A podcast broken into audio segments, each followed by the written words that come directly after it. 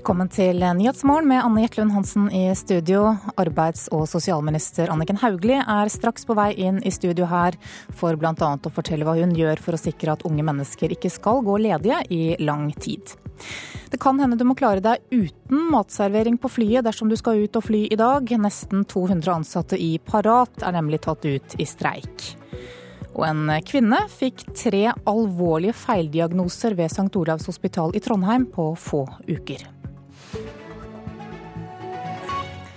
Dette er noen av sakene det blir mer om, men aller først nå så skal vi til passasjerflyet fra Egypt Air, som nå har vært savnet i litt over ett døgn.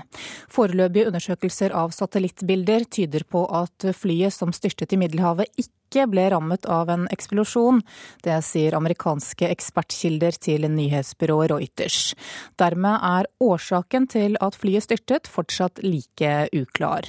Og utenriksmedarbeider Arne Egil Tønseth, hva vet vi nå egentlig om hva som skjedde?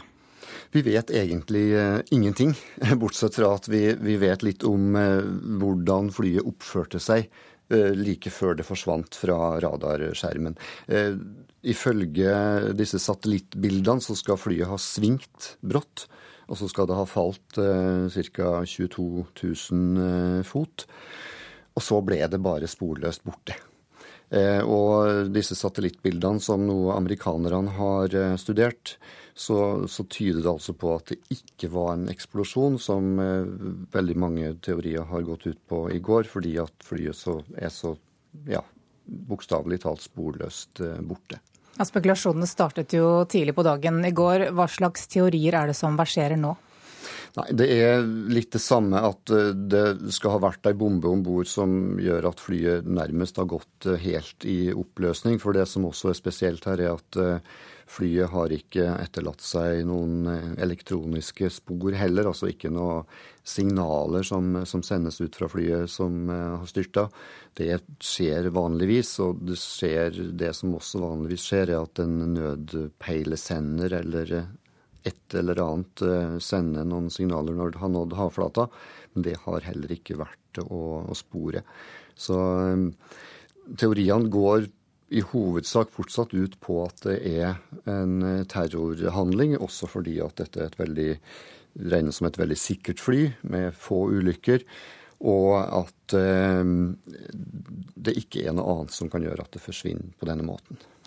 Flyet tok jo også fra, av fra Paris på vei til Kairo, og det var også mange franskmenn om bord. Hva har franske myndigheter foretatt seg etter at flystyrten var et faktum? Ja, det ble jo satt i verk tiltak på Charles de Gaulle-flyplassen eh, bare få timer etter at eh, det ble kjent at flyet hadde styrta. Og eh, sikkerhetspersonell på flyplassen er avhørt, og, det er gjort undersøkelser for å prøve å avdekke om det kan ha vært noe rutinesvikt på flyplassen. Sånne ting. For det er foreløpig ikke noe som tyder på at verken passasjerer eller mannskap om bord skal være noen grunn til å mistenke dem for noe som helst. Sånn at det er satt i verk ganske sterke, kraftige tiltak der for å prøve å finne noe av årsaken. Takk skal du ha, Arne Egil Tønseth. Og vi skal direkte til våre korrespondenter både i Paris og Kairo i Nyhetsmorgen rett etter klokka sju. Arbeids- og sosialminister Anniken Hauglie legger i dag frem stortingsmeldingen Nav i en ny tid for arbeid og aktivitet.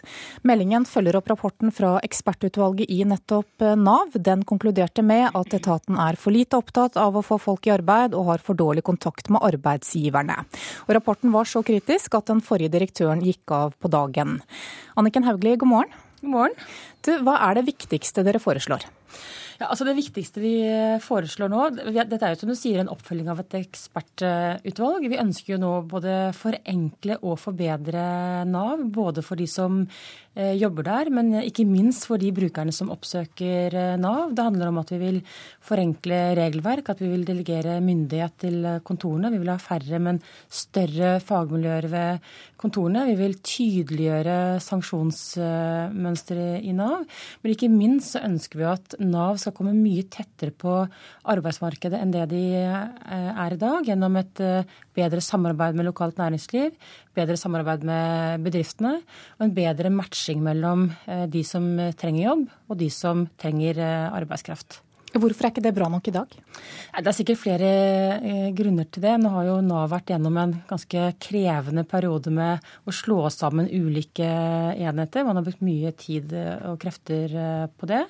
De helserelaterte fokuset har fått mye oppmerksomhet i Nav, og det viser jo også rapporter.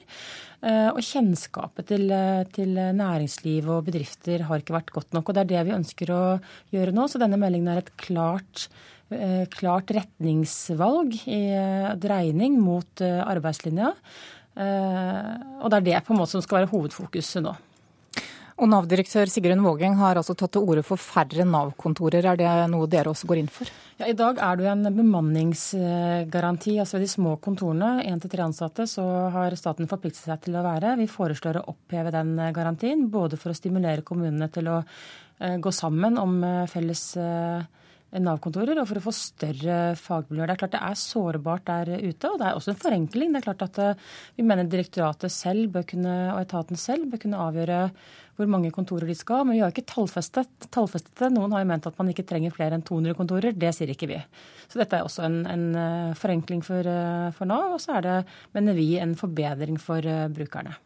Allerede for et drøyt år siden så sa din forgjenger Robert Eriksson at vi må ha bedre kompetanse i Nav på arbeidsmarkedet, sånn som du også sier, mm. og en ny tenkning om hvordan vi skal følge opp brukeren tettere i arbeidslivet. Hva har skjedd siden den gang? Altså nå har, det, nå har, jo ikke Nav sittet og ventet på denne meldingen. De har jo selvfølgelig også, de jobber jo kontinuerlig, og, og ansatte gjør det. Men, eh, men, det vi kommer til å gjøre mer av nå, er jo at Nav skal samarbeide mer med bemanningsbransjen. altså man skal komme tettere på bedriftene, samarbeide mer, komme mer inn i bedriftene. Og vi sier også at Nav skal kunne få lov til å gjøre mer i egen regi, også for at de skal kunne bli bedre bestillere av tjenester ute fra arbeidslivet. Det er klart at Med de utfordringene vi står overfor nå, med økende innvandring, med en, med en, aldrende befolkning, med mange ledige, så er det helt klart at Nav må prioritere sine ressurser, styrke sin kompetanse på å få flere ut i jobb. Det er det som skal bære velferden vår i årene framover. Så stiger jo også arbeidsløsheten pga. krisen i, i oljeindustrien. Hvordan påvirker det måten Nav jobber på framover nå? Ja, så det er klart at Deler av landet så er jo det en eh, utfordring. Samtidig så ser vi at det er etterspørsel etter eh, arbeidskraft i andre deler av landet. Så det er jo viktig nå også at man både får eh, synliggjort at det er muligheter andre steder. At, man, eh, at de som mister jobben eh, får kjennskap til at det er muligheter og jobber andre steder. Mobilitetskravene skal jo også, sier vi også at skal eh, følges. Men det er jo arbeidslinja som er det viktigste nå. Uten flere i jobb så vil den velferden vår være vanskelig å bære i årene framover. Og det må også gjenspeiles i det, i det arbeidet som Nav skal gjøre. Tydeliggjøre arbeidslinja overfor brukerne, men også overfor ansatte. At, at det er det som nå skal prioriteres. Anniken Hauglie, takk for at du kom hit til eh, Nyhetsmorgen. Og arbeidsmarkedet er stikkord også for Politisk kvarter i dag, programleder Lilla Sølhusvik. Ja, det er det. Og direktøren i Norsk Industri, Knut Sunde, han vil, sier i hvert fall hva Anniken Hauglie ikke må gjøre. Han sier at politikerne må slutte å kaste tiltaksplasser etter hverandre. Og han går faktisk så langt som å kalle arbeidsmarkedstiltak for kunstig stimuli. Han møter LO hos oss i Politisk kvarter. Så var det partilederdebatt i NRK i går, og til oss så kommer to kommentatorer for å oppsummere den. Det skjer altså klokka 7.45 i P2 og Alltid nyheter. Skal vi se hva avisene har på forsidene sine i dag. Flyplassansatte er i søkelyset etter flystyrten i går, det skriver Aftenposten. Myndighetene i Frankrike vil finne ut om det kan være hull i sikkerhetsprosedyrene ved Charles de Gaulle-flyplassen.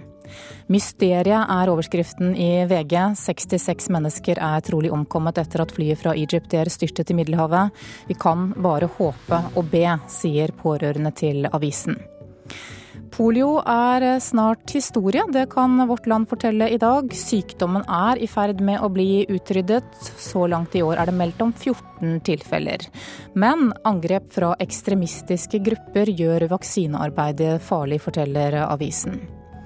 Klassekampen skriver at ankerhotellene i Oslo-området taper 200 000 kroner hver dag på hotellstreiken. Nå melder kjeden seg ut av NHO i protest mot det ledelsen mener er en uforsonlig linje mot de streikende. Nasjonen skriver at uh, ulveforliket vil gi mer bråk. Regjeringspartiene, KrF og Arbeiderpartiet ble enige om et nytt bestandsmål for ulv i går.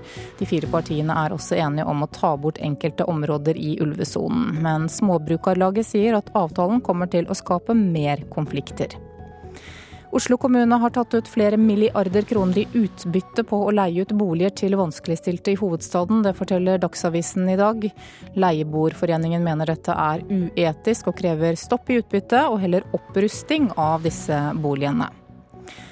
I begynnelsen av april havnet to brødre på 12 og 14 år i elven i Tyssedal. Begge to døde senere på sykehus av skadene de pådro seg, og foreldrene til disse to brødrene forteller om sjokket og savnet i Bergenstidene i dag.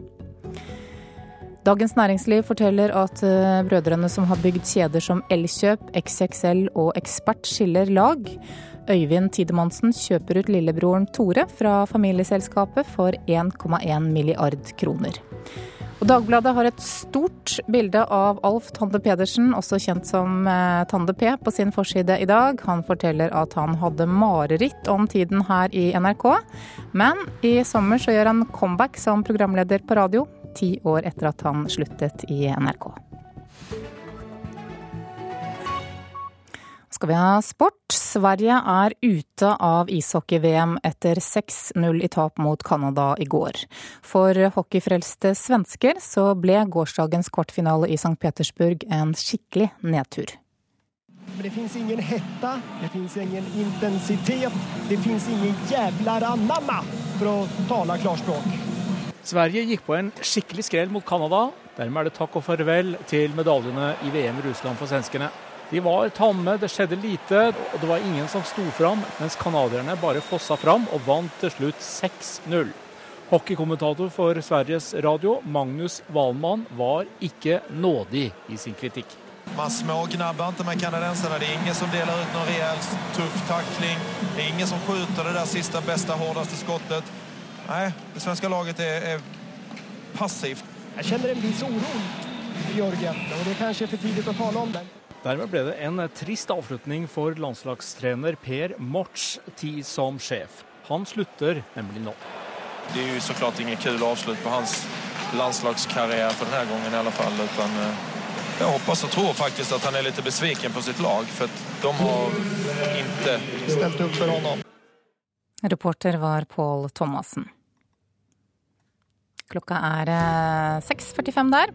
Dette er hovedsaker i nyhetene. Søket etter passasjerflyet fra Egypt Air som forsvant for over et døgn siden, blir nå trappet opp. Det sier myndighetene i Egypt. Nav må sørge for at alle under 30 år som verken har jobb eller skoleplass, skal få et tilbud i løpet av åtte uker. Det foreslår arbeidsminister Anniken Hauglie. Hardrockbandet Kvelertak får strålende anmeldelser for sitt nye album langt utenfor Norges grenser. Dersom du skal ut og fly i dag, så risikerer du å ikke få noen matservering på turen. 192 ansatte paratmedlemmer i Gate Gourmet er nå tatt ut i streik. og Dette vil ramme forsyningene av nettopp flymat ved Gardermoen og Flesland. Det sier forhandlingssjef i Parat, Turid Svendsen. Ja, den vil jo medføre tilnærmet full stans i alle leveranser av flymat og taxfree til de fleste flyselskaper fra, som flyr fra Gardermoen og eh, Flesland. Dermed stopper store deler av cateringleveransene til bl.a. SAS, Norwegian, Widerøe, Thai Airways, Qatar Airways og United Airlines. I tillegg stopper leveringen av forhåndsbestilte taxfree-varer. Du vet de selger som prepack. Du kan forhåndsbestille taxfree-varer. Og det vil jo ikke bli utført. Ifølge Parat avbrøt de meklingen fordi NHO Reiseliv ikke var villig til å gå med på deres hovedkrav om rett til reelle lokale forhandlinger og lønnstillegg for lavtlønte. Dette er et lavtlønnsområde, faktisk et av de laveste i Norge, med en gjennomsnittlig årslønn på 341 000. I tillegg krever vi i likhet med Fellesforbundet reelle lokale lønnsforhandlinger. Og vi krever også et eh, ansvarstillegg for de som har særskilt ansvarsfulle oppgaver. Både kravene og avtalen er identisk med Fellesforbundets krav i hotellkonflikten. Derfor kunne vi ikke gå med på kravene, sier forhandlingsleder Elisabeth Kloster i NHO Reiseliv. Jo, altså Riksavtalen med Parat den er helt identisk med riksavtalen med Fellesforbundet. Og Så lenge streiken pågår på den avtalen, så er det mulig for oss å få til en løsning på, på avtalen vi har med Parat. Hun sier det likevel vil bli noen leveranser av flymat fra den aktuelle bedriften. Nei, I første, første omgang så vil bedriften uh, forsøke å levere flymat så godt de kan med de ressursene som, uh, som uh, ikke er tatt ut i streik, og så vurdere fortløpende underveis. Streiken blant de hotellansatte organisert i Fellesforbundet har snart vart i en måned. Turi Svendsen i Parat sier også de er forberedt på å streike lenge. Vi er forberedt på at det tar den tid det tar. Reporter her var Tom Ingebrigtsen. Byggingen av Fornebubanen kan først starte om tre år og være ferdig om åtte eller ni. Det går frem av Ruters forslag til reguleringsplan som nå er sendt inn til plan- og bygningsetaten i Oslo. Opprinnelig så var planen at banen skulle stå ferdig i 2021 eller 2022. Og det er særlig to grunner til at planen er forsinket, sier Hanne Bertnes Nordli, som er utviklingsdirektør i Ruter. I de tidligere anslagene så la vi til grunn eh, en god del parallell jobbing med både reguleringsplanarbeid og arbeid med forprosjekt og byggeplan og prosjektering. Nå har vi hovedsakelig jobbet med reguleringsplanen frem til nå, og så skal det nå opprettes en etat som tar for seg det videre arbeidet med gjennomføring av banen. Og Den andre grunnen er at selve reguleringsplanarbeidet også har tatt litt lengre tid enn det vi forutså. Du sier man har ikke jobba parallelt som man burde. Hvems feil er det? Jeg vil ikke si at det er noens feil, men man må jo ha noen som kan ta disse parallelle oppdragene. og Ruter har hatt ansvar for reguleringsplanarbeidet, og nå må man få på plass en byggherreorganisasjon, eller altså en etat som kan ta for seg det resterende arbeidet. Så jeg vil ikke si at det er noens feil, men noen må nå ta, ta fatt på de oppgavene. Reporter var Dag Åsdalen. En kvinne i slutten av 50-årene fra Trøndelag fikk tre alvorlige diagnoser i løpet av få uker. Et halvt år etter viste det seg at alle diagnosene var feil. Nå har kvinnen klaget på behandlingen ved St. Olavs hospital i Trondheim, sier pasientombud Elin Hagerup. I min tid som pasientombud, da jeg jobba i åtte år, har jeg aldri vært borti noe lignende.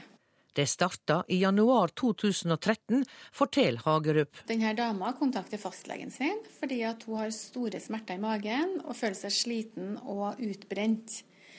Fastlegen henviser hun da til sykehuset, som ikke finner noe somatisk feil med henne. Som henviser hun da videre til DPS. DPS er jo en distriktspsykiatrisk senter. De eh, sender henne etter hvert videre til nevrologisk avdeling på sykehuset som da bruker to dager på å finne ut at hun her er dement. Leger ved St. Olavs hospital i Trondheim mente kvinna også kunne ha parkinson, der tap av hjerneceller gradvis forverrer evna til å kontrollere egne rørsler. Og dessuten en annen hjernesvinnende sykdom, nemlig Kreutzfeldt-Jacobs. Den er dødelig, men svært sjelden og kan mellom annet oppstå hvis mennesket er i kontakt med kjøtt fra dyr med kugalskap.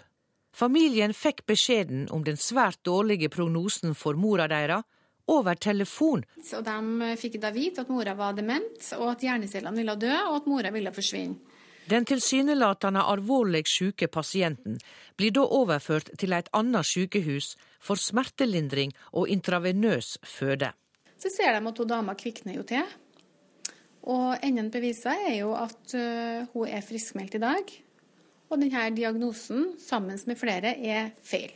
Sånn som denne saken uh, framstår, så virker dette påfallende og uvanlig.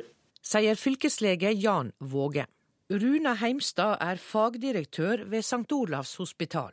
Kommunikasjonen mellom pasient og behandlere har ikke vært god i denne saken, her, og det beklager vi. Men på hva måte har den ikke vært god? Eh, vi avventer videre kommentar på denne spesielle saken til den har vært til behandling hos Fylkesmannen.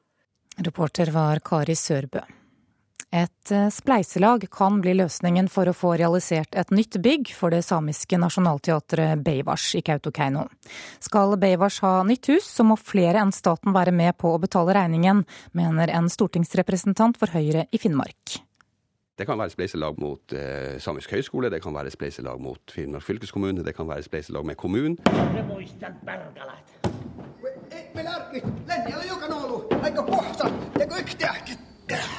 I mer enn 30 år har det samiske nasjonalteatret Beivars vært en av de viktigste kulturbærerne og formidlerne av samisk historie, kultur og identitet. Omtrent like lenge har teatret jobba for et eget teaterhus i Kautokeino. Nå foreslår stortingsrepresentant Frank Bakke-Jensen fra Høyre et spleiselag for å få fortgang i byggeprosessen. Vi må se på hele saken eh, på nytt, men kanskje kan det være en idé at man går inn og ser på om det finnes andre samarbeidspartnere, sånn at man på et vis kan ta ned den statlige andelen. Kanskje kan man se om det finnes andre eh, samarbeidspartnere som også gjør at man kan ha et, eh, i større grad av flerbruk på teaterbygninger. Kanskje må man se på andre samarbeidspartnere også, både for, for, bruk, nytte og, og, finansiering av teaterbygg. I dag holder teateret til i et nedslitt kulturhus, et lokale som i april ble stengt pga. elendig inneklima. Samtidig ligger planer om et nybygg til 140 millioner kroner fortsatt til behandling i Kulturdepartementet. Men et vedtak om byggestart er ennå i det blå. Derfor er styreleder i Beivars, Lene Hansen, positiv til forslaget fra Høyre. Det at de endelig forstår alvoret, syns jeg er utrolig bra. Hvem som finansierer huset er vi ikke så opptatt av, men at det blir bygd, det er det som er hovedfokuset vårt. Like positive er ikke Finnmark fylkeskommune og vertskommunen Kautokeino. Kautokeino-ordfører Johan Vasara syns initiativet er prisverdig, men Rent prinsipielt så, så, så, må jeg likevel stille spørsmålstegn ved hvorfor en liten kommune skal forventes å bære eh, økonomiske kostnader ved å ha et nasjonalteater. Det er en statlig kulturinstitusjon, og da er det fullt ut statlig ansvar å, å bære de økonomiske kostnadene. I går ble Veivars nominert til Hedda-pris for forestillinga Vidas Extremas. Samtidig er forslaget fra Frank Bakke-Jensen til vurdering i Kulturdepartementet. Neste vekke tar han forslaget med seg til Kautokeino. Jeg håper jo at det kan bli mottatt konstruktivt, at det vil være mulig å sette seg ned og se om det kan eh, finnes eh, sånne løsninger. Jeg ser ikke noen grunn til at de skal skyte det ned umiddelbart. Jeg tror vi er tjent med at eh, alle går inn i, i en sånn debatt med et, med et åpent sinn, og så ser vi om vi finner konstruktive løsninger. Reporter her, det var Rune Nordgård Andreassen. Hardrockbandet Kvelertak får strålende anmeldelser for sitt nye album 'Nattesferd'. Men det er ikke bare norske journalister som hyller Stavanger-bandet. Store musikkaviser og nettsteder som Rolling Stone og Pitchfork mener Kvelertak er kandidat til å ta over den internasjonale rocketronen. Dette er over all forventning, sier vokalist Erlend Gjelvik og bassist Marvin Nygaard. Jeg tror de fleste drømmer har allerede gått i oppfyllelse for lenge siden. Men jeg føler liksom hvor vi vil henne nå, det, det, føles ut som vi bare vil bli bedre og bedre, i hvert fall. Nei da, så er jo som Marvin sier, når du har en ny plate i bagasjen og skal ut på tur igjen, så er jo det en får jo en ekstra giv, da. Så det er liksom ekstra kult å spille igjen når du har liksom nytt materiale å vise folk. Og mm. ja, det, det er en god boost. Norsksyngende kvelertak får veldig gode kritikker i utlandet for tiden, i store og toneangivende magasiner. Både Rolling Stone og Pitchfork hyller kvelertak. Og Kerrang! Men de sliter litt med å kategorisere bandet. Rolling Stone skriver at Kvelertak er uforutsigbare i sin miks av black metal, hardcore og streit rock'n'roll, og mens Pitchfork mener Kvelertak legger seg mellom aggressiviteten til black metal på den ene siden og den mer kommersielle Van Halen og Judas Priest-greia på den andre siden, så mener nettstedet Consequence of Sound at bandet egentlig motsetter seg kategorisering som sådan, og bare spiller rett frem god rock'n'roll. Det har vært sjukt bra. Det har vel egentlig vært litt sånn over forventning denne gangen. Jeg trodde liksom folk skulle at det skulle være sånn mer sånn uh, blanda mottakelse denne gangen, siden vi har gjort uh, ting litt annerledes. Og lydbildet er litt uh, annerledes enn hva vi har gjort før, og sånne ting. Men Altså, det, det, står jo ikke på anmeldelse, men, men, det er klart når ting går bra, så gir det mersmak. Og da, får, da, er det lettere å se for seg at For meg, men, vi er jo på veien veldig mye. Det, det, blir jo litt lettere nå å, å dra ut. Hva er målet nå, eller hva ja. Jeg tror bare vi har som mål å bare jobbe, jobbe så hardt som mulig med å bli bedre, bli et bedre band. For ingen av oss har noe sånn at vi skal bli verdens største, at vi skal bli den nye Metallica. Men skjer det som skjer Altså, vi vil bare være best mulig. Og så skjer det som skjer, på en måte.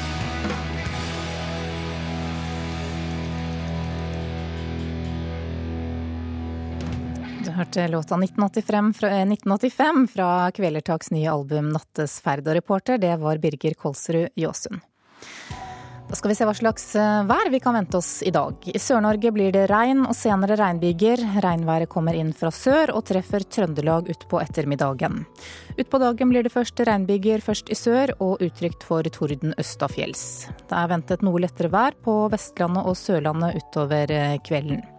Det blir sørlig vind, opp til liten kuling på kysten av Vestlandet og stort sett uendret temperatur i Sør-Norge. I Nordland blir det spredte regnbyger rundt Vestfjorden først på dagen, ellers opphold og en del sol. Om ettermiddagen øker vinden til øst og nordøst liten kuling utsatte steder, og om kvelden kommer det inn regn på Helgeland. Troms og Finnmark får vestlig opp i liten kuling på kysten. Det blir regnbyger i ytre strøk med snø i høyden, men om kvelden opphold og litt sol. Og på Spitsbergen der blir det rolig vind, for det meste skyet oppholdsvær og litt stigende temperatur. Så tar vi med temperaturene som ble målt klokka fem. Da hadde Svalbard lufthavn minus to grader, Kirkenes og Vardø fire. Alta fem, Tromsø, Bodø og Brønnøysund hadde tre grader, Trondheim seks. Molde fem, Bergen og Stavanger ti, Kristiansand, Gardermoen og Lillehammer ni, Røros fire, og på Oslo-Blindern var det ti plussgrader klokka fem i morges.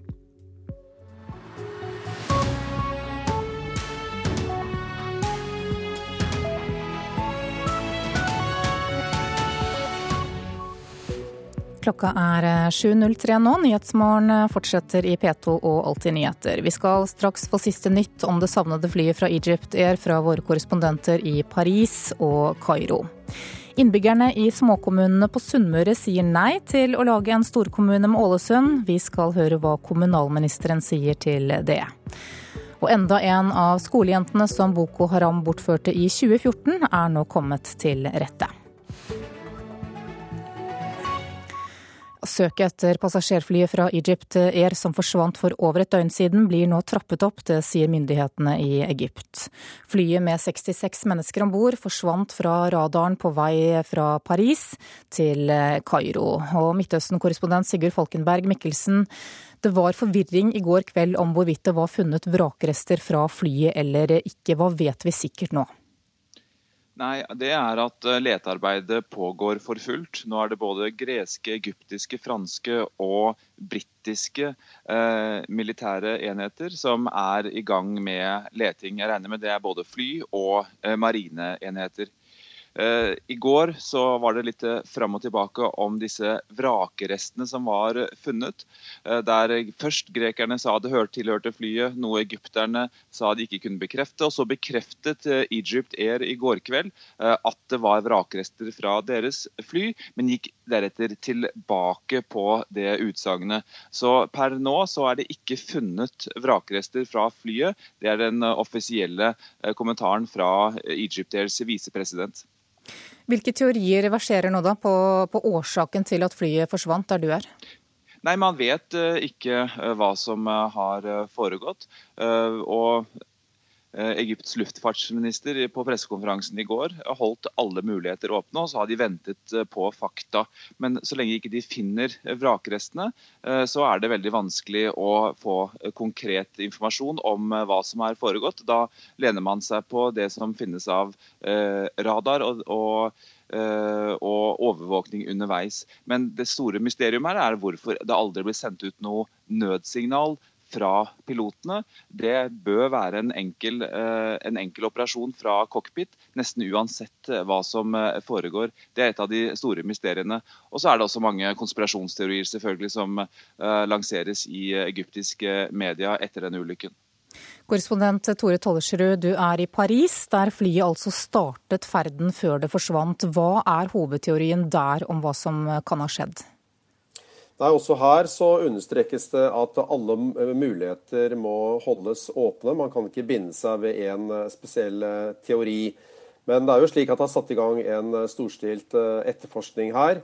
Og noe av det første som blir gjort, er å eh, snakke med de politifolkene som var på jobb eh, på kvelden da dette flyet tok av, og spørre om de så noe unormalt her.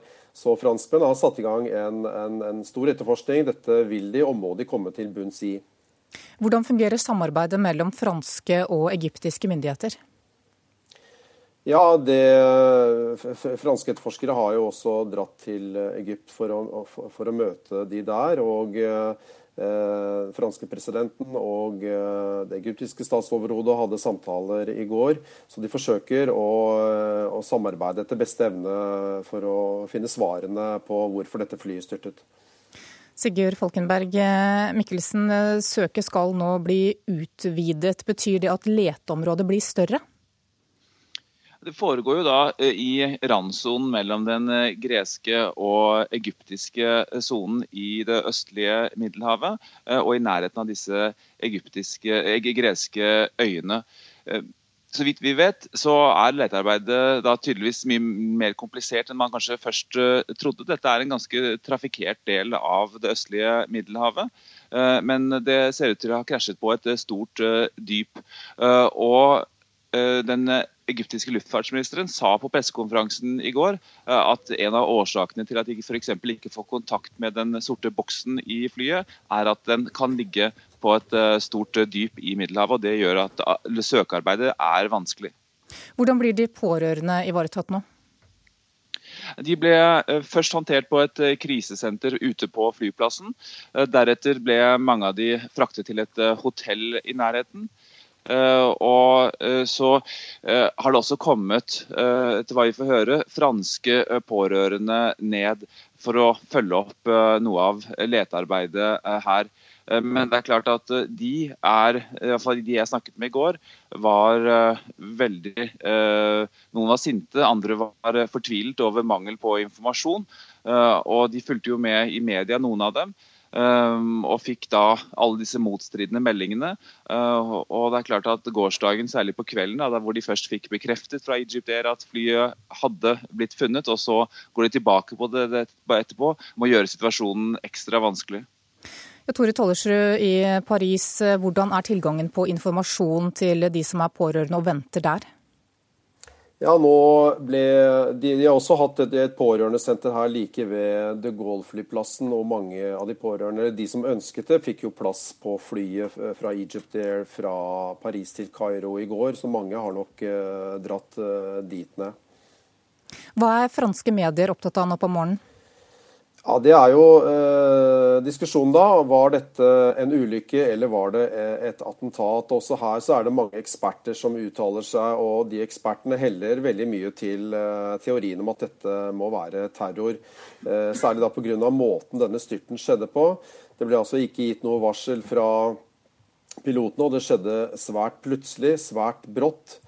Eh, og debatten eh, Hvis man da antar at det har vært en eksplosjon, så begynner debatten har, eh, har sikkerheten ved de Gaulle-flyplassen vært god nok. Nå er det altfor tidlig å si om noen da har klart å smugle en bombe om bord til flyet, men hvis, hvis, hvis, det har skjedd, så, så, vil det jo bli et fokus på om man har god nok kontroll med om sikkerhetssjekkene ved de som jobber på flyplassene her, har vært bra nok. Det er jo slik at uh, i, uh, Så sent som rett før jul så gjorde man en stor sikkerhetssjekk av alle de som jobber ved flyplassene uh, i Paris. Og så mange som 70 ble da fratatt muligheten til å jobbe i kontakt med flyene, fordi man anså at de var en sikkerhetsrisiko fordi de var svært radikaliserte. Ok, Vi får håpe at de pårørende får mer svar i løpet av de nærmeste timene. Takk til Midtøsten-korrespondent Sigurd Falkenberg Mikkelsen og Tore Tollersrud i Paris. Planene om å danne storkommunen Ålesund ved å slå sammen ti kommuner på Sunnmøre fikk ikke gehør i gårsdagens rådgivende folkeavstemninger. Valgdeltakelsen eh, varierte, den var nokså lav, fra vel 36 til 53% Men flertallet av de som stemte, sa at de ønsker å beholde kommunekartet som i dag. Ordfører Eva Vinje Aurdal i Ålesund har kjempet for storkommunen, og hun mener at solen ennå ikke har gått ned for ideen ideen? Nei, det gjør ikke den før i juni, når kommunestyrene tar de endelige avgjørelsene. Men jeg er enig i at eh, i en del kommuner nå så er eh, rådet fra folket eh, tydelig og klart. Og da er det kommunepolitikerne må vurdere det rådet de har fått fra folk, opp imot de andre tingene som de skal vurdere. En kunne nok ha ønska det annerledes, Men jeg er nok kanskje ikke så veldig overraska. Vinje Aurdal gir flere grunner til at planene om å danne storkommunen Ålesund lei nederlag under avrøstinga i går. Jeg tror det har med endring å gjøre. At endring i seg sjøl eh, er vanskelig å gjennomføre. Eh, og så er den menneskelige mekanismen kanskje der at eh, vi har det jo bra så vi har det, og så regner en med at slik vil det forbli. Og så er nok det en del informasjon som kanskje ikke helt har kommet ut, bl.a. med det nye inntektssystemet som det nå er flertall for i Stortinget, hva det vil bety for den enkelte kommune. KrF-ordfører Harry Valderhaug i nabokommunen Giske vest for Ålesund registrerer ei valgoppslutning på bare 37,5% og at hele 78% vil at Giske skal holde fram som egen kommune. Dette skuffer ordføreren. Først og fremst vil jeg si litt skuffa over oppmøtet ute i Giske. Skuffa over, mest kanskje skuffa over meg sjøl sånn umiddelbart, eh, hva jobb jeg klarte å gjort sjøl som politiker. og For å mobilisere folk til å ta stilling til, og komme og ta stilling til og gi et råd da, til oss politikere. Valderhaug tror lokalpolitikerne vil følge det klare rådet innbyggerne nå har gitt i avrøstinga. Som ordfører så er jeg ordfører for alle, og de som har kommet og stemt, de har stilt opp og gitt et råd, og det må vi lytte til. Det er helt klart. I en annen nabokommune til Ålesund, Sula, gikk hele 89% av de som røsta, inn for at kommunen skal holde fram alene. Arbeiderpartiordfører Jim Arve Røssevold reagerer slik. Jeg er først og fremst letta.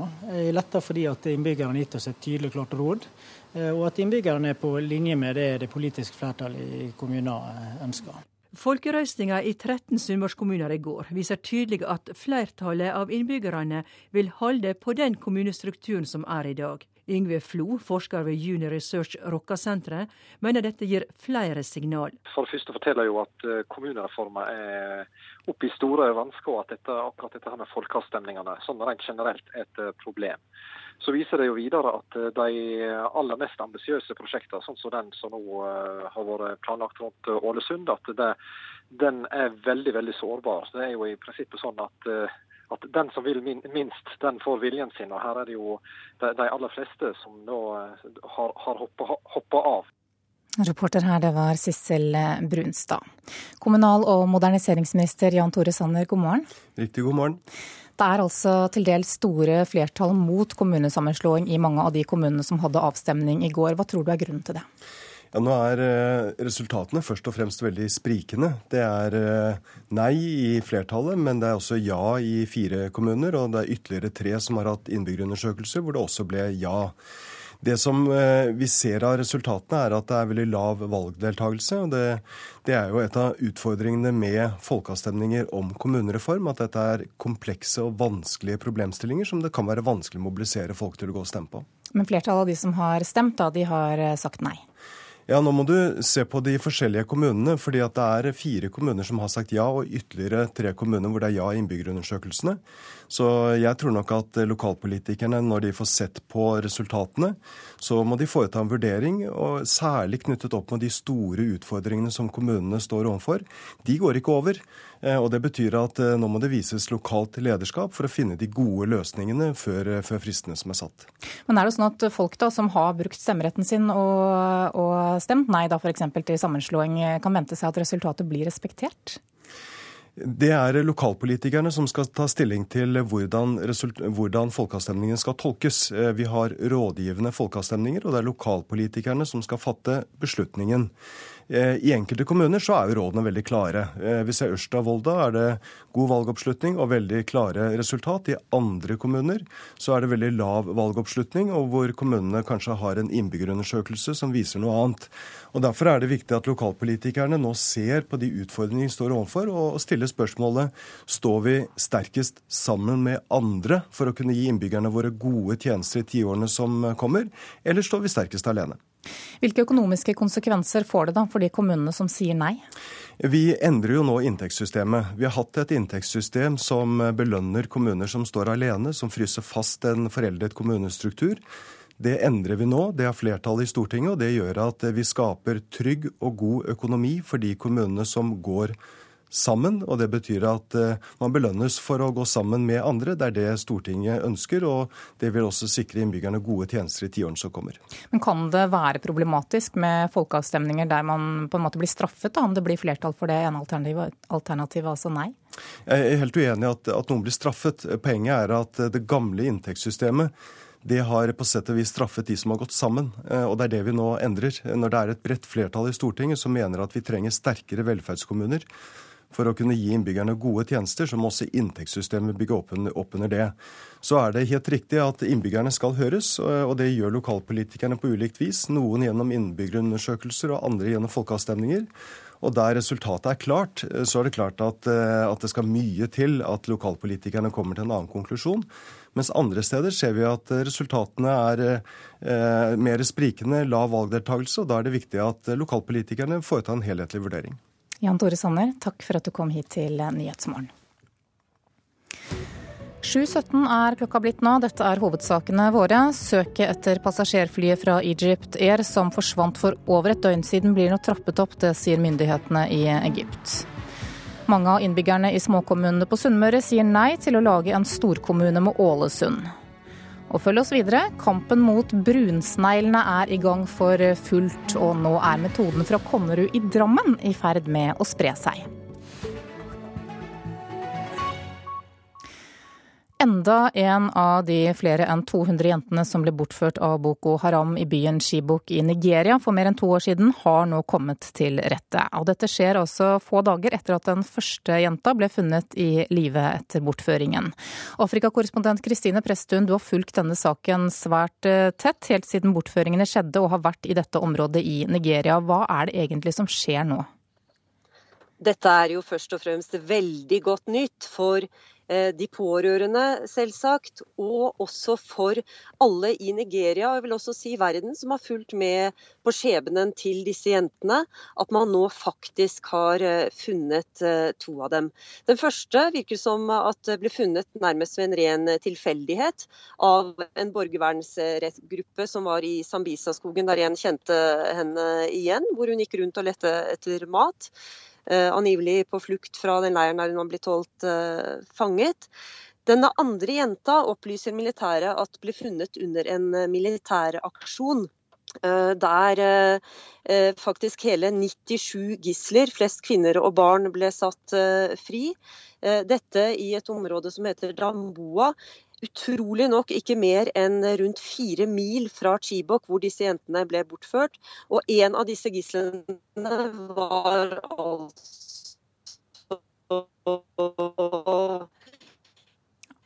Litt dårlig forbindelse til Kristine Presthund der. Kristine? Det den historien også sier ganske mye om, er hvor mange som jo Ja, hører du meg nå? Ja, ja nå hører jeg deg. Bedre nå, ja. Hallo, hallo. Hører NRK meg, mon tro, her jeg sitter? Lytterne er klare. Ja, men så fint. Det er godt. Det regner i Nairobi i dag. Det kan være at det er det som er grunnen. Ja. Det jeg prøvde å si, det var at det at faktisk hun ble funnet blant 97 andre gisler, sier noe om at det er eh, fortsatt trolig mange hundre som er holdes fange som gisler i, eh, i eh, Nigeria. Men det at de nå begynner å finne Chibok-jentene, det er interessant og svært gledelig for de som har fulgt med på skjebnen deres. Det er altså noen dager siden denne første jenta ble funnet. Seks andre ble også funnet eh, døde. Hvor stor er faren nå for at mange av disse jentene kan ha mistet livet? Det er den første jenta som ble funnet som fortalte at uh, seks uh, av Chibok-jentene har dødd i fangenskap. Vi vet jo lite eller ingenting fortsatt om hva som er eh, skjebnen til resten av eh, disse jentene. Og Det blir jo svært spennende å se om militæret klarer å finne flere i dagene som kommer. Om de får informasjon fra de to jentene som nå har kommet til rette, om hvor de andre jentene er. Kan vi håpe og tro da, på at eh, enda flere av disse 200 jentene kommer til rette nå i løpet av de nærmeste dagene? dette her skaper utvilsomt håp eh, hos de pårørende, som jo mange av de fortsatt bor i Chibok, og som jo har hatt to år fylt av redsel eh, og sorg over tapet av jentene sine. Og også blant aktivistene i Abuja, som jeg snakket med i går, som sier at dette gir oss håp. Nå må regjeringen og myndighetene i Nigeria virkelig gripe inn og finkjemme særlig da dette området som kalles Sambisa-skogen. Fordi selv om militæret nå gjør det de kan for å markere dette som en seier, så er det også et nederlag at det er først nå at de klarer å finne noen av jentene. Takk skal du ha, Kristine Presttun. Israels statsminister Benjamin Netanyahu utvider regjeringen sin og lar den nasjonalistiske og kontroversielle politikeren Avigdor Liebermann bli forsvarsminister. Dermed tar Netanyahu-regjeringen enda et skritt mot høyre. Opposisjonsleder Isak Herzog mener den nye koalisjonen har en politikk som grenser til galskap. Israel Israel. Nå må israelerne forholde seg til en regjering med en politikk som er på randen av galskap. Det sa Itzak Herzog da det ble klart at nasjonalisten Avigdor Liebermann skal bli forsvarsminister. Herzog, som leder sentrumspartiet Sionistunionen, forhandlet selv med statsminister Netanyahu om å gå inn i en koalisjon. Han håpet på en plattform som kunne åpne for nye fredssamtaler. Men så snudde Netanyahu seg brått til russerpartiet Israel Beteino Israel er vårt hjem, i stedet. Jeg forsøkte å stanse dette, sier Herzog. Egypterne er også i sjokk. President al-Sisi engasjerte seg i et fransk initiativ for å få i gang samtaler mellom israelere og palestinere igjen. Vi er virkelig rystet. Vi begynte å snakke med Herzog og ender opp med Liebermann, sier en talsmann for Egypts regjering til Reuters. Da Liebermann var utenriksminister, truet han med å bombe Egypts Aswan-dam, og sa at om daværende president Mubarak ikke ville komme til Israel, ja, så kunne han dra til helvete. Etter det ble Liebermann persona non grata i Egypt. Avigdor Liebermann emigrerte fra Sovjetrepublikken Moldova. Han mener Israels innfødte arabiske minoritet, 20% av befolkningen, ikke hører hjemme i Israel. Uh, Lieberman certainly has, the way I perceive it, very strong racist uh, tendencies towards the Arab population. Etter mitt syn er Lieberman svært rasistisk innstilt mot den arabiske befolkningen i Israel, sier en bekymret Jonathan Gorsen til Reuters. Uh, I feel scared for Israel. I'm scared for my three boys who will be serving in the army. Jeg er redd for Israel og redd for de tre sønnene mine som skal i militæret. Vi hadde en forsvarsminister som forsøkte å gjøre ting rett, så dette er et svært dårlig valg fra Netanyahus side, sier mannen fra Jerusalem. En grunn til at Benjamin Netanyahu vil bytte ut forsvarsminister Moshe Alon med Avigdor Liebermann, er for å kneble en gryende opposisjon i den israelske hæren IDF. Da en soldat nylig skjøt og drepte en hardt såret palestiner som lå stille på bakken, skapte det voldsom debatt. Både forsvarsminister Alon og flere IDF-topper sa at drapet var moralsk forkastelig, og de gikk inn for å stille soldaten for retten. Men for Liebermann og partiene til høyre for Netanyahu er soldaten en patriot og en helt, ikke en drapsmann. Nå må forsvarstoppene betale dyrt for sine moralske bekymringer i et Israel som driver stadig lenger mot høyre, med en regjering som ikke vil at palestinerne skal få sin egen stat, men som mener at landet, også den okkuperte Vestbredden, først og fremst tilhører det jødiske folket. Justisminister Ayelet Shaked fra partiet Jødisk hjem ønsker Libermanns parti velkommen i regjering. Avigdor Libermann er en del av nasjonalistleiren, og jeg tror denne koalisjonen vil holde til valget i 2019, sier hun. Reporter var Sissel Wold. Skal vi ta en rask kikk på hva avisene har på sine forsider. Polio er snart historie, skriver Vårt Land. Sykdommen er i ferd med å bli utryddet, og så langt i år er det meldt om 14 tilfeller. Men angrep fra ekstremistiske grupper gjør vaksinearbeidet farlig. Nasjonen skriver at ulveforliket vil gi mer bråk. Regjeringspartiene KrF og Arbeiderpartiet ble enige om et nytt bestandsmål for ulv i går. Og de fire partiene er også enige om å ta bort enkelte områder i ulvesonen.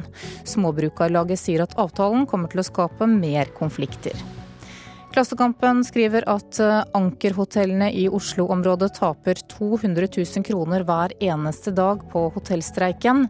Nå melder kjeden seg ut av NHO i protest mot det ledelsen mener er en uforsonlig linje mot de streikende. Oslo kommune har tatt ut eh, flere milliarder kroner i utbytte på å leie ut boliger til vanskeligstilte i hovedstaden. Det forteller Dagsavisen i dag. Leieboerforeningen mener dette er uetisk og krever stopp i utbytte og heller opprusting av disse boligene. I begynnelsen av april havnet to brødre på 12 og 14 år i elven i Tyssedal. Begge døde senere på sykehus av skadene de pådro seg. Og foreldrene til de to brødrene forteller om sjokket og savnet i Bergens Tidende i dag. I fjor gikk eh, lokalbefolkningen på Konnerud i Drammen til krig mot de beryktede brunsneglene. I år blir initiativtakerne bak aksjonen nærmest nedringt av folk som vil prøve ut Konnerud-metoden. Blant dem som nå skal sneglene til livs er ringerikingene, som gjør seg klar til en storaksjon, og det skjer 8. juni. Jeg vil jo tro at det kanskje, hvis de kom et sted, så ville det være her var en mulighet innunder eh, hvor det er litt skygge. I hagen til Dag Imskar på Røyse er det heldigvis ingen brunsnegler å se. Men lederen i hageselskapet Hole og Ringerike er klar for å gå til krig mot sneglene, som har tatt over mange norske hager. Det er jo rett og slett ubehagelig. Jeg hørte jo noen som hadde fått de helt inn i senga si. Og det syns jeg da begynner å bli drøyt. Den 8. juni skal hageselskapet Hole og Ringerike sammen med Lions og kommunene ha en stor felles dugnad i kampen mot brunsneglene. Jo, da skal vi bruke Konnerud-metoden for å bekjempe brunsneglene i Hole og Ringerike. Det var en kveld i juni i fjor at Norges første og største dugnad for å bekjempe brunsneglene ble gjennomført. Det skjedde på Konnerud i Drammen. 1500 mennesker var på krigsstien og la ut en giftblanding bestående av bl.a. ølgjær fra Aas bryggeri og noe som heter Nemma slugg. Det ble en suksess, og nå tar både kommuner, hagelag og privatpersoner kontakt med Brede Holst for å lære om den såkalte Konnerud-metoden. Ja, de lurer jo på om det har virka, selvfølgelig. Og så um, lurer de på hva vi har gjort som praktisk. For det å bruke eh, åte og så tilsette nemaslugg, altså disse nyttige mikroorganismene, eh, det er jo ikke en metode som liksom er ferdig beskrevet i bruksanvisninger og sånt nå. Konnerud-metoden skal nå testes ut på nøye utvalgte steder i Hole og Ringerike. En hel tankbil med den magiske blandingen er bestilt, og hageeiere får det gratis. Dag Imskar håper at de får lagt ut sneglegiften i nærmere 3000 hager den 8. juni.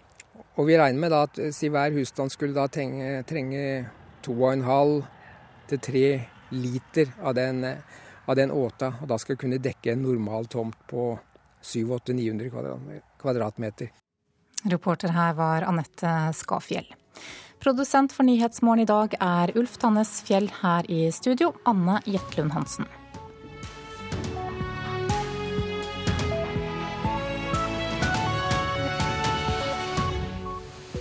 Klokka er 8.33 nå. Nyhetsmorgen fortsetter med disse sakene. Det er absolutt helt åpent hva som førte til at flyet fra Egypt Air styrtet i går. Det sier Frankrikes utenriksminister. Ankerhotellene melder seg ut av NHO som følge av hotellstreiken. Og Taiwans nye president er tatt i ed i dag. Franske myndigheter holder altså alle muligheter åpne når det gjelder hva som kan ha skjedd med det savnede passasjerflyet fra Egypt Air i Middelhavet. Den franske utenriksministeren sier i dag at de ikke utelukker noe som helst. Det er foreløpig ikke funnet noen spor av flyet som trolig har styrtet i området mellom Kreta og den egyptiske kysten. Og Midtøsten-korrespondent Sigurd Falkenberg Mikkelsen forteller hva som foregår i dette området akkurat nå. Letearbeidet pågår for fullt. Nå er det både greske, egyptiske, franske og britiske militære enheter som er i gang med leting. Jeg regner med det er både fly og eh, marineenheter. I går så var det litt eh, fram og tilbake om disse vrakrestene som var funnet.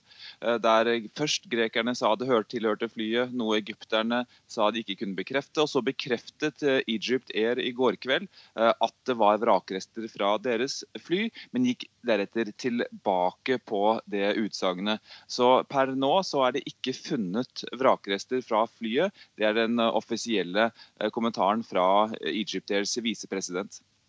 Hvilke teorier verserer nå da på, på, årsaken til at flyet forsvant der du er? Nei, Man vet uh, ikke uh, hva som uh, har foregått. Egypts luftfartsminister på pressekonferansen i går holdt alle muligheter åpne, og så har de ventet på fakta. Men så lenge ikke de finner vrakrestene, så er det veldig vanskelig å få konkret informasjon om hva som har foregått. Da lener man seg på det som finnes av radar og, og overvåkning underveis. Korrespondent Tore Tollersrud, du er i Paris, der flyet altså startet ferden før det forsvant. Hva er hovedteorien der om hva som kan ha skjedd? Nei, Også her så understrekes det at alle muligheter må holdes åpne. Man kan ikke binde seg ved en spesiell teori. Men det er jo slik at det er satt i gang en storstilt etterforskning her. Og noe av det første som blir gjort, er å eh, snakke med de politifolkene som var på jobb eh, på kvelden da dette flyet tok av, og spørre om de så noe unormalt her. Så franskmenn har satt i gang en, en, en stor etterforskning. Dette vil de og må de komme til bunns i. Sigurd Falkenberg eh, Mikkelsen, eh, søket skal nå bli utvidet. Betyr det at leteområdet blir større? Det foregår jo da eh, i randsonen mellom den eh, greske og egyptiske eh, sonen i det østlige Middelhavet, og i nærheten av disse greske øyene. Så vidt vi vet, så er letearbeidet da tydeligvis mye mer komplisert enn man kanskje først trodde. Dette er en ganske trafikkert del av det østlige Middelhavet. Men det ser ut til å ha krasjet på et stort dyp. Og den egyptiske luftfartsministeren sa på pressekonferansen i går eh, at en av årsakene til at de f.eks. ikke får kontakt med den sorte boksen i flyet, er at den kan ligge på et eh, stort dyp i Middelhavet. og Det gjør at eh, søkearbeidet er vanskelig. Hva er franske medier opptatt av nå på morgenen? Ja, Det er jo eh, diskusjonen da. Var dette en ulykke eller var det eh, et attentat? Også her så er det mange eksperter som uttaler seg, og de ekspertene heller veldig mye til eh, teorien om at dette må være terror. Særlig da pga. måten denne styrten skjedde på. Det ble altså ikke gitt noe varsel fra pilotene, og det skjedde svært plutselig, svært brått. Og debatten, eh, Hvis man da antar at det har vært en eksplosjon, så begynner debatten har, eh, har sikkerheten ved de Gaulle-flyplassen vært god nok. Nå er det altfor tidlig å si om noen da har klart å smugle en bombe om bord til flyet, men hvis, eh, hvis, hvis det har skjedd, så, så, vil det jo bli et fokus på om man har god nok kontroll med om sikkerhetssjekkene ved de som jobber på flyplassene her, har vært bra nok.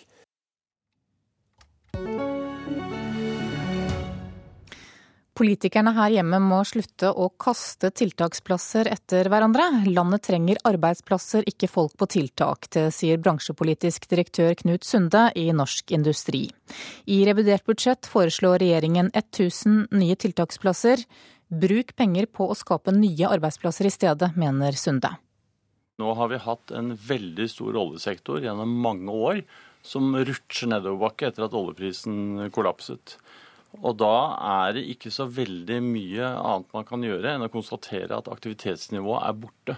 Og det er viktig at politikerne ikke nå løper etter med masse, masse små tiltak og tror at de som har vært i jobb, nødvendigvis trenger arbeidsmarkedstiltak. Man må få orden på økonomien, for vi vil heller ha 10 000 nye vanlige jobber enn å ha 10 000 jobber inn i arbeidsmarkedstiltak. I revidert nasjonalbudsjett foreslo regjeringen 1000 nye arbeidstiltaksplasser, spesielt myntet på å dempe arbeidsmarkedskrisen på Vestlandet. De pengene bør heller brukes for å skape nye arbeidsplasser, mener Sunde. Vi er opptatt i norsk industri av å stimulere aktivitet som har nedslagsfelt på Vestlandet, der hvor ledigheten stiger raskest. Og der er andre, der er andre tiltak, som, eh, mer næringspolitiske tiltak, som kan få fart på det. I LO mente de 1000 arbeidstiltaksplasser er for lite. De ønsker å bruke 1 milliard kroner på slike tiltaksplasser, og mener det vil løse viktige problemer, sier Hans Christian Gabrielsen, andre nestleder i LO. Det handler om å gi denne sveiseren eller platearbeideren fra National Oilwell som har mista jobben eh, nå nylig, muligheten til å ta sertifikater slik at han kan f.eks. starte et transportselskap eller begynne å, å, jobbe innenfor spedisjon. Det er omstilling. Eller å uh, formalisere kompetansen til henne som har jobba som ingeniør, men som ikke har en formell utdannelse som ingeniør på en plattform. Og sørge for at hun får den ingeniørkompetansen sin. Det er uh, innovasjon, og det er, det er omstilling. I dag legger arbeidsministeren fram stortingsmeldingen med tittelen Nav i en ny tid for arbeid og aktivitet. Hovedmålet er selvfølgelig å få flere i arbeid arbeid og et tettere samarbeid og kompetanse på næringsliv lokalt. Og selv om regjeringen vil opprette flere tiltaksplasser, sier arbeids- og sosialminister Anniken Hauglie fra Høyre at norsk industri har et poeng. Ja, Sunde har helt klart eh, rett i det. Altså, det er jobber som eh, finansierer velferden vår. Men det som er viktig nå i den situasjonen vi er i, er at vi har en bra balanse av kortsiktige og langsiktige tiltak. På kort sikt så må vi sørge for at folk er i aktivitet, at uh, vi klarer å holde hjula i gang på den måten. Men på lang sikt så er det jo ingen tvil om at det er å stimulere flere bedrifter til å ansette, til at flere bedrifter kan etableres. Det er det som er det, som er det viktigste på lang sikt. Reporter var Simon Skjelbostad Yseth. Planene om å danne storkommunen Ålesund ved å slå sammen ti kommuner på Sunnmøre fikk ikke gehør i gårsdagens rådgivende folkeavstemninger. Valgdeltakelsen var nokså lav, den varierte fra vel 36 til 53% Men flertallet av de som stemte sa altså at de ikke, eller at de ønsker å beholde kommunekartet som i dag. Ålesunds ordfører Eva Vinje Aurdal fra Arbeiderpartiet tror det er flere grunner til at folket sa nei. Nei, Jeg tror det har med endring å gjøre. At endring i seg sjøl eh, er vanskelig å gjennomføre. KrF-ordfører Harry Valderhaug i nabokommunen Giske vest for Ålesund registrerer ei valgoppslutning på bare 37,5% og at hele 78% vil at Giske skal holde fram som egen kommune. Dette skuffer ordføreren. Mest kanskje skuffa var meg sjøl sånn umiddelbart eh, hva jobb jeg klarte å gjort sjøl som politiker. og For å mobilisere folk til å ta stilling til, og komme og ta stilling til og gi et råd da, til oss politikere. Folkerøstinga i 13 sunnmørskommuner i går viser tydelig at flertallet av innbyggerne vil holde på den kommunestrukturen som er i dag. Yngve Flo, forsker ved Junior Research Rokka-senteret, mener dette gir flere signal. For det første forteller jo at eh, kommunereformen er oppe i store vansker, og at dette, akkurat dette her med folkeavstemningene sånn rent generelt er et eh, problem.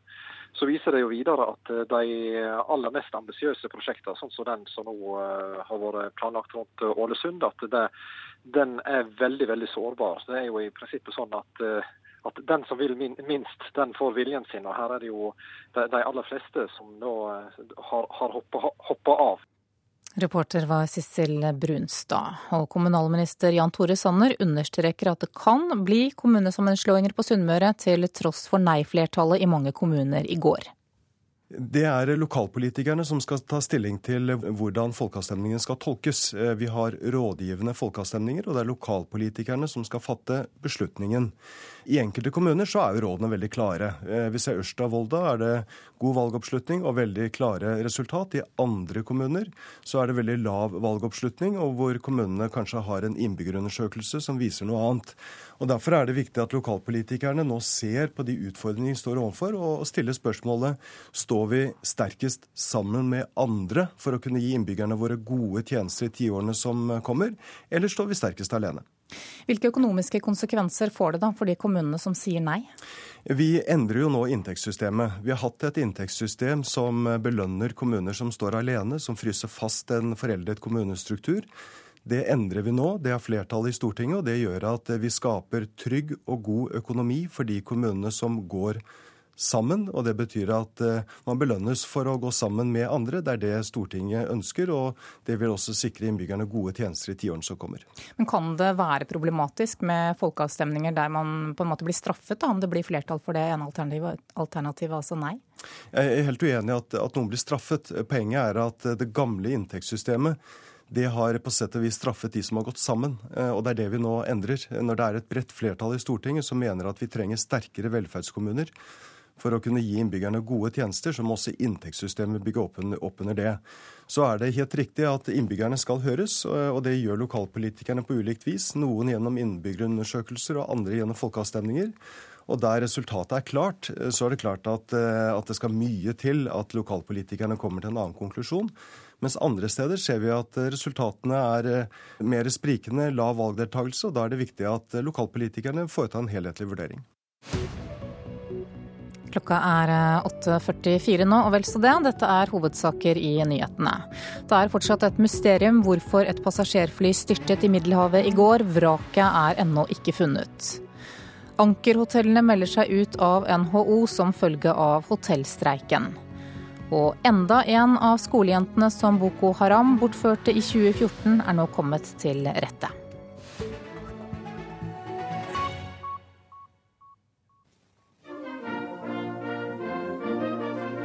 向全国人民宣誓于必无负国民付托，如为誓言，愿受。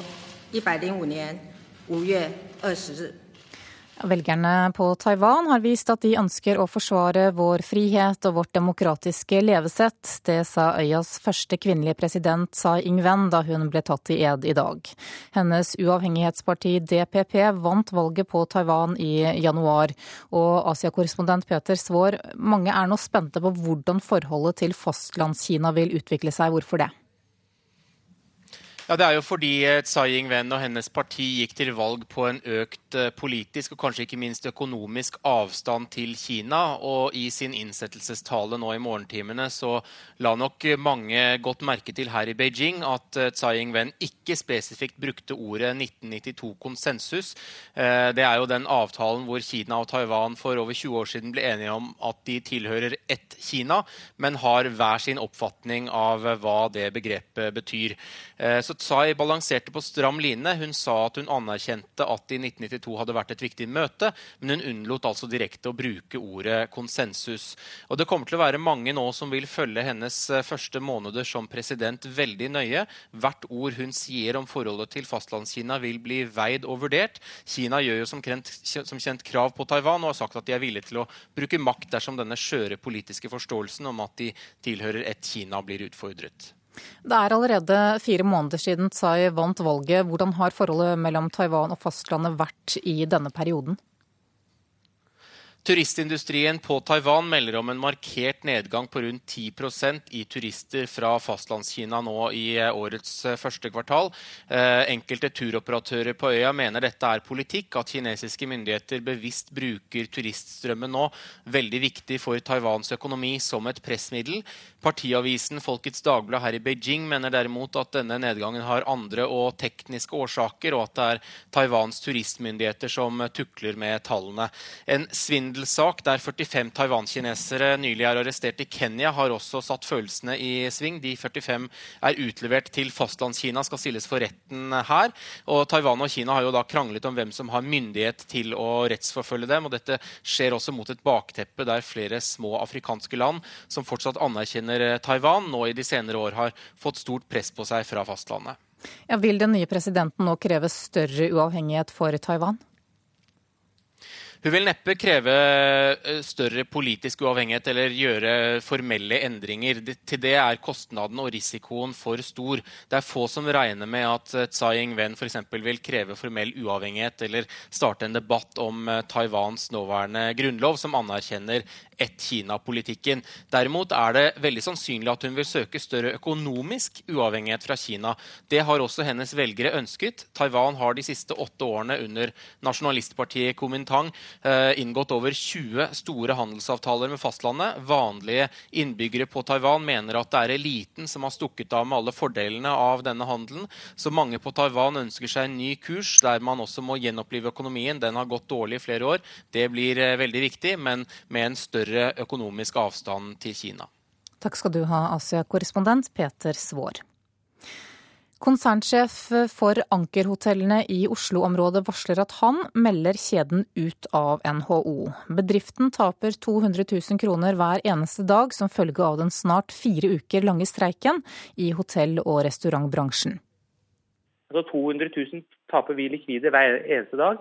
Det begynner å bli egentlig ganske mange millioner allerede. Da. Konsernsjef for Ankerhotellene i Oslo-området, Per Kalenius, er oppgitt over den manglende forhandlingsviljen mellom Fellesforbundet og NHO Reiseliv i forbindelse med streiken i hotell- og restaurantbransjen, som snart har vart i fire uker.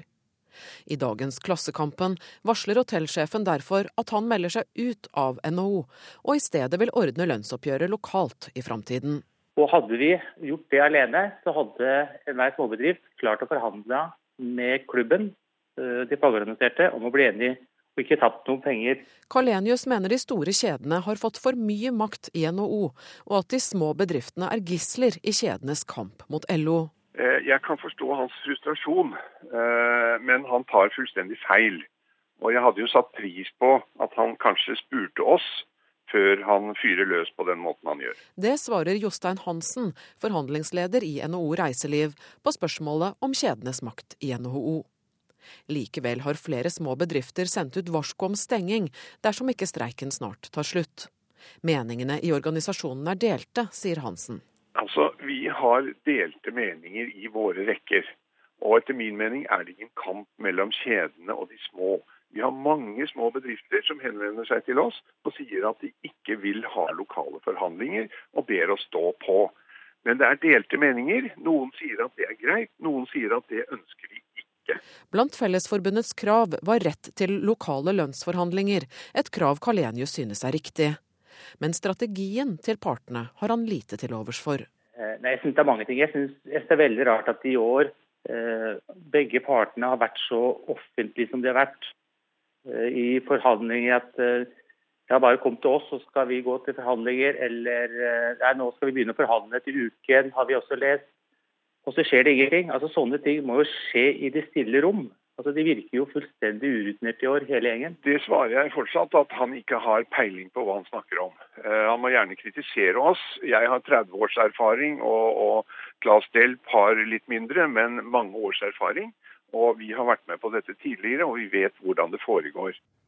Ja, Det sa til slutt eh, forhandlingsleder Jostein Hansen i NHO. Førstkommende tirsdag så møtes partene hos Riksmekleren for å se om det er mulig å få avsluttet konflikten. Og reporter her var Kristine Næss Larsen. Dersom du skal ut og fly i dag, så kan du risikere å bli uten matservering på turen. 192 ansatte paratmedlemmer i Gate Gourmet er nå tatt ut i streik. Og kravene er de samme som Fellesforbundets krav i streiken i hotell- og restaurantnæringen. Derfor kunne vi ikke gå med på kravene, det sier forhandlingsleder Elisabeth Kloster i NHO Reiseliv. Riksavtalen med Parat den er helt identisk med riksavtalen med Fellesforbundet. Og Så lenge streiken pågår på den avtalen, så er det mulig for oss å få til en løsning på, på avtalen vi har med Parat. Hun sier det likevel vil bli noen leveranser av flymat fra den aktuelle bedriften. Nei, I første omgang så vil bedriften uh, forsøke å levere flymat så godt de kan med de ressursene som ikke er tatt ut i streik, og så vurdere fortløpende underveis. Reporter var Tom Ingebrigtsen. Eirik Myhr Nossum blir ny trener for herrelandslaget i langrenn fra 1.6. Nossum, som tidligere har trent både på klubbnivå og privatlag, har også vært trener for Petter Northug. NRKs langrennsekspert Fredrik Aukland håper ansettelsen gjør at det blir mindre avstand mellom landslaget og de mange klubbene rundt om i Norge. Jeg forsto det slik at Nossum skulle jobbe både for sprintlaget og distanselaget. Og det tror jeg er eh, positivt, at eh, de to lagene drar eh, nytte av felles ressurser. Fredrik Aukland er positiv til ansettelsen av Eirik Myhre Nossum som landslagstrener. Han håper ansettelsen minsker avstanden mellom landslag og klubbene. Han har jo en bakgrunn både fra mm, privatlag, øh, klubblag, øh, og den kombinasjonen tror jeg er viktig å dra med seg inn i landslagene. Skal, altså, nå har han jobba for Lyn i, i, mange år, og det er viktig å ivareta øh, klubbenes holdninger inn til Skiforbundet og klubbenes Eh, tanker da, rundt satsingen også på landslagsnivå. Det, det, det, tror jeg er viktig at han kan dra med seg inn i landslaget. Nossum har tidligere trent Petter Northug. Aukland tror likevel ikke ansettelsen nødvendigvis har så mye å si for Petter Northugs kommende sesong. De har jo både vært gjennom gode tider og dårlige tider, så jeg tror ikke det har, vil spille noen rolle inn mot uh, Petters satsing. Jeg tror det Petter Northug-skipet det seiler sin egen eh, sjø. Så vi håper at, eh, at det, den veien går mot eh, VM-medaljer. Reporter var Patrick Sten Rovlands. Det blir mer vanlig å overføre penger og betale for varer med mobilen. Og foreløpig ser det ut til at det er DNBs app som vinner kampen om kundene. Det er fordi det gjør det mye enklere å betale hvis du f.eks. ikke har løst penger på deg, eller hvis du ikke har kortet på deg akkurat der og da, så kan du låne noen penger, og så bare så er, det, så er det veldig lett å bare betale tilbake istedenfor å gå inn i banken. Og hvis de har en annen bank, så blir det jo litt stress med engangskoder. Så det er egentlig veldig greit å bruke. Student Henriette Elvik er en av 1,8 millioner nordmenn som har lastet ned betalingsapplikasjonen VIPS. DNB lanserte appen for smarttelefoner i mai 2015, og divisjonsdirektør Roger Antonesen tror det er flere grunner til at VIPS har blitt så populært. Ja, det, jeg tror den enkle forklaringen på det er at det er fryktelig enkelt. Eh, og jeg tror mye av det med betalingsapp handler akkurat om det, at ting går raskt, og at det er enkelt og alltid tilgjengelig.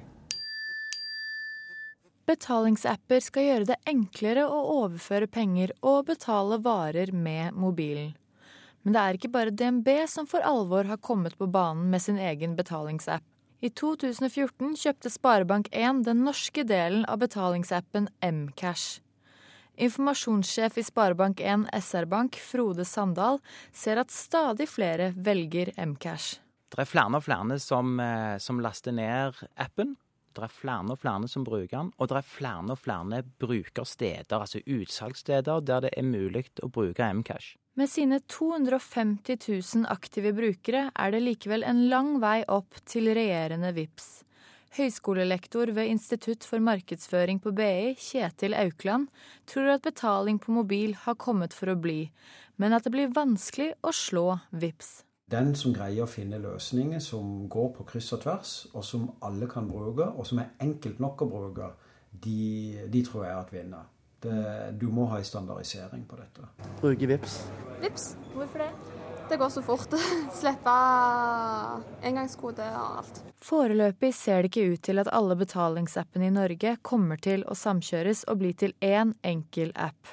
Og konkurransen om kundene, den fortsetter. Nå gir banker og andre full gass på dette for egentlig å ta markedet. Hvem som vinner dette til slutt, det vet jeg ikke. Men vi i Sparemark1 har iallfall ikke tenkt å gi oss med det første med Mcash. Reporter her var Tuva Skei Tønseth. Da er statsmeteorolog Jon Smits på plass i studio. Det regner litt utenfor vinduet her vi er nå, men hvem er det som har det beste været nå i formiddag? Det beste været er antageligvis i deler av Nordland, hvor det har vært veldig fint i natt også, faktisk. Og det blir fint en stor del av dagen, men det kommer skyer sørfra i Nordland i løpet av ja, ettermiddagen, og kanskje litt regn sør om kvelden. Vi kan også se litt på resten av landet. Spitsbergen. Ja, det er ganske skya der oppe. Litt sånn snødryss nå på morgenen, men uh, ganske lite nedbør. Det blir vel stort sett oppholdsvær, men ikke så veldig mye sol i løpet av dagen der. Så går det noen byger på kysten av Finnmark og Troms, og også den aller nordligste delen av Nordland. De dabber gradvis av, først i Nordland og Troms, og så i Finnmark i løpet av kvelden. Og kommer vi opp i høyden, eller i hvert fall fjellet, så kommer de bygene som snø. Så er det sånn at eh, sørlige del av Nordland får denne nedbøren i løpet av eh, ja, i hvert fall sen ettermiddags- og kveldstid antageligvis. Og den kommer tidligere i Trøndelag og Møre og Romsdal. Kommer på Sunnmøre allerede faktisk, og brer seg nå gradvis nordover i disse to eh, fylkene. Men når ikke Nord-Trøndelag før i ettermiddag en gang. Men den har kommet inn med full tyngde på Vestlandet sør for Stad. Her er det regn, og det går over til regnbyger her senere, med en liten kuling fra sør og senere sørvest på, på kysten. Og i kveld så blir det minkende bygeaktivitet.